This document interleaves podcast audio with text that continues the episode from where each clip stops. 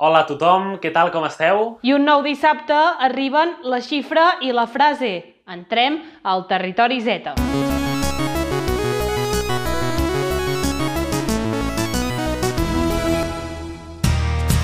I primer us presentem la xifra de la setmana, que és aquesta. 40.000. Núria, 40.000 què? Més de 40.000 són els alumnes que s'han inscrit a les proves d'accés a la universitat, a l'ESPAU, que aquest any, degut a la crisi del coronavirus, s'han de fer més tard del que és habitual i es faran entre el 7 i el 10 de juliol. Com us deia, són més de 40.000 els estudiants que s'examinaran d'aquí a pocs dies, una xifra que ha augmentat respecte a l'any passat quan es van examinar gairebé 35.000 alumnes. De fet, aquest any és la primera vegada que més de 40.000 joves faran la selectivitat.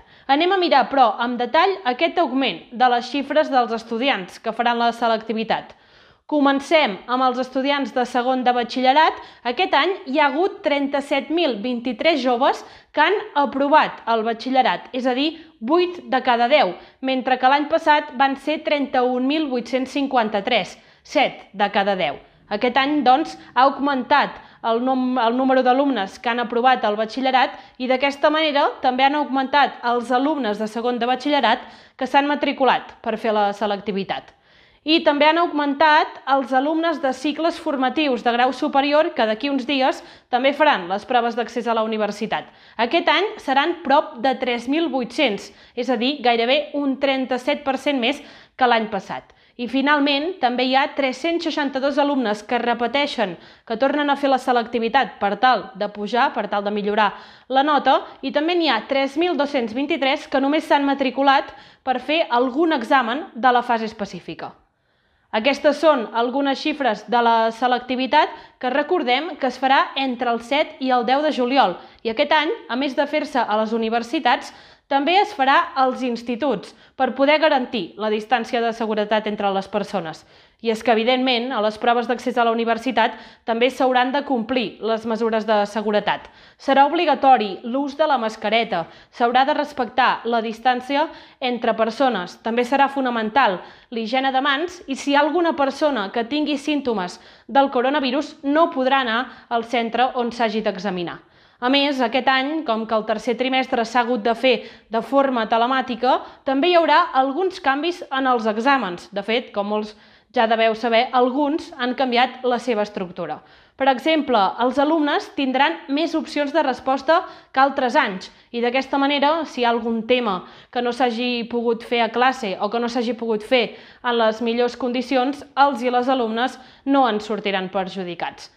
Aquestes són, aquests són doncs, alguns dels detalls de la selectivitat i també volem aprofitar per desitjar-vos a tots i totes els qui us examineu d'aquí a pocs dies tota la sort del món.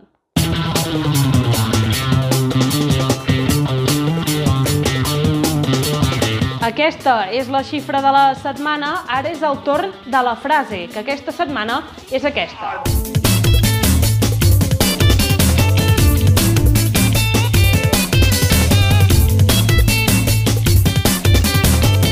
Avui la frase arriba de la xarxa, ara ho vèiem, un tuit de Cara Cristina, un bloc de pisos no mixta de dones al barri de Sants, ocupat a Barcelona, que va ser desallotjat ara fa uns dies, dijous, abans d'ahir, i avui us volem explicar la seva història. Comencem pel principi del dia. El dijous a les 6 del matí van despertar-se les 10 famílies que vivien en aquests pisos amb 10 furgonetes dels Mossos d'Esquadra al carrer, que volien desallotjar-les sense cap motiu eh, concret i sense haver-les avisat prèviament com hauria de ser. De fet, el grup d'habitatge de Sants, un sindicat d'habitatge del barri de Sants, va denunciar al seu Twitter que la causa sabien que estava arxivada i que, per tant, aquest desallotjament seria il·legal. Un cop a fora, les dones van demanar entrar de nou als pisos per recollir les seves coses del seu dia a dia, perquè vivien allà des de feia més de 3 mesos, els Mossos no les van deixar i qui va entrar va ser gent de l'empresa propietària de l'edifici que va llançar les coses a les escombraries, als contenidors. I d'on ve la història d'aquest bloc de Cala Cristina? Doncs va ser un conjunt de pisos ocupats en motiu de la vaga del 8 de març, ara fa 3 mesos i mig, el Dia de la Dona i de la vaga feminista a Catalunya, també a Barcelona, en què es van alliberar i ocupar més d'un eh, pis, més d'un habitatge per a dones que no tenien un espai on poder viure. Per cert, enmig del confinament i, del, i de l'auge del coronavirus, al mes d'abril, unes persones de l'empresa propietària de l'edifici van anar a aquesta casa, van canviar el pany de la porta de l'edifici i a més també van pressionar pressionar les famílies que hi vivien per fer-les marxar fora. Van estar moltes hores a fora de la casa per intimidar i pressionar aquestes dones, però al final van marxar i la cosa no va passar d'aquí. Tornem al dijous, ara fa uh, dos dies perquè hi va haver una manifestació a Sants davant de la seu del districte de Sants Montjuïc per denunciar aquesta situació i a més també reclamar solucions. Les afectades van dir que se sentien humiliades i desprotegides i l'Ajuntament va oferir una solució, però què passa? Era una solució per només unes quantes famílies i que van considerar insuficient. De fet, aquest, com veieu, és un cas més de la desigualtat que hi ha actualment a Barcelona en el tema de l'habitatge i les enormes dificultats que té la gent per viure a la ciutat eh, catalana.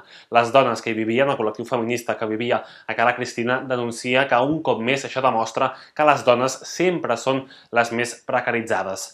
Aquesta és la xifra d'avui que acompanya la frase. Avui ho deixem aquí dissabte. Que tingueu un molt bon cap de setmana. Una abraçada.